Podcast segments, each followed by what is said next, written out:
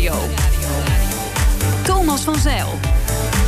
Ja, kan bijna niet anders. Wij moeten heel snel van Duitsland naar Londen. Marcel Ja. Beerthuizen net terug. Wauw. Wauw, van sponsoring adviesbureau Big Plans voor de goede orde. Jij was eh, een van de gelukkigen die Ja, denk ik wel gisteren wat- op de tribune zat tijdens Wat ben ik toch bevoorrecht dat ik dit werk mag doen en dat je daar dan bij mag zijn voor je werk. Eh, Dat, dat is natuurlijk geweldig. Geweldig stadion, dat wilde ik ook graag zien. Het nieuwe White Hart Lane. Maar die wedstrijd en alles bij elkaar, ja, was, het was een enorme belevenis. Ben jij dan ook echt aan het werk? Even gewoon, even eerlijk. Nou, ja. Je- hoe, hoe noem je zoiets? Ja, mensen spreken. Ja, dat is natuurlijk best een belangrijk onderdeel van mijn, van mijn, van mijn, eh, eh, van mijn dagelijks werk. Gewoon mensen ontmoeten, spreken, kijken wat gebeurt. Ik was met een goede vriend die in de internationale rechtenbusiness zit, sportrechtenbusiness. Ja, dan moet je daardoor weer allerlei andere mensen die erover kunnen vertellen wat er gebeurt. Dus het is, het is echt nuttig en aangenaam. Maar dat is tijdens wat die het is. 90 minuten... Nee, nee, nee. Nou, zitten Oké, ik vraag het maar even. Omdat Ja. ik ook weer hoorde hoeveel sponsors er naar de finale in Madrid gaan. 60% van alle mensen in dat stadion is ergens Oh, dat gerelateerd ik nog aan een sponsor. gelezen. Ja, dat doet de UEFA. Hè. Eh, Dat, eh, dat zijn natuurlijk de grote sponsors zoals Heineken... die daar heel veel kaarten voor krijgen.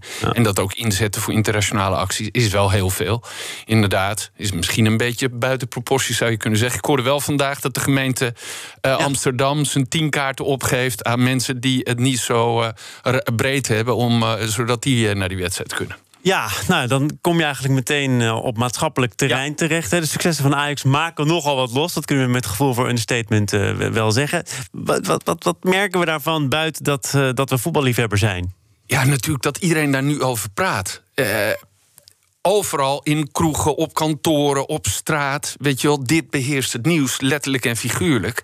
En dat is wat er gebeurt. Ook als je gaat reizen, nu, ik was vorige week ook in het buitenland... ja, beginnen mensen meteen over Ajax te praten. Hè? Dat is wat er gebeurt. Iedereen is aan het kijken. Er is altijd 10% van Nederland wat helemaal niets met sport heeft. Die kijken dan niet ook. Die kijken dan ook niet, maar de rest is allemaal betrokken. Dat is, dus dat is dat gevoel wat ontstaat. Ja, een soort sociaal kapitaal zou je dat kunnen noemen. En dat, dat krijg je met voetbal wel voor elkaar, denk ik. Misschien nog af en toe als het een mooie juli maand is... en er gebeurt niet zo heel veel... en Ja, er staat het- een Nederlander op het podium van de Tour de France... of, of is het gewoon echt Ja, buiten het is, categorie? Het is heel erg voetbal. In Nederland in ieder geval. In andere landen. In Korea waren ze ook een keer heel erg enthousiast. eh, oh, toen, toen ze ver kwamen in het voetbal in 2002.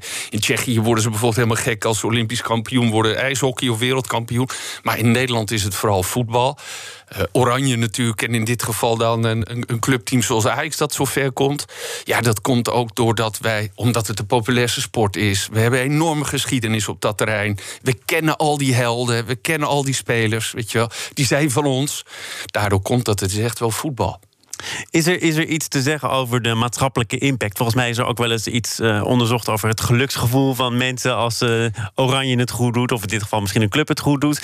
Is dat allemaal zeg maar toch een beetje eh, lucht? Of, of Nee, gaat wordt, het echt er wordt over? steeds meer onderzoek naar gedaan. Je ziet, er wordt gekeken naar wat is de economische impact van evenementen en van dit soort sportsuccessen.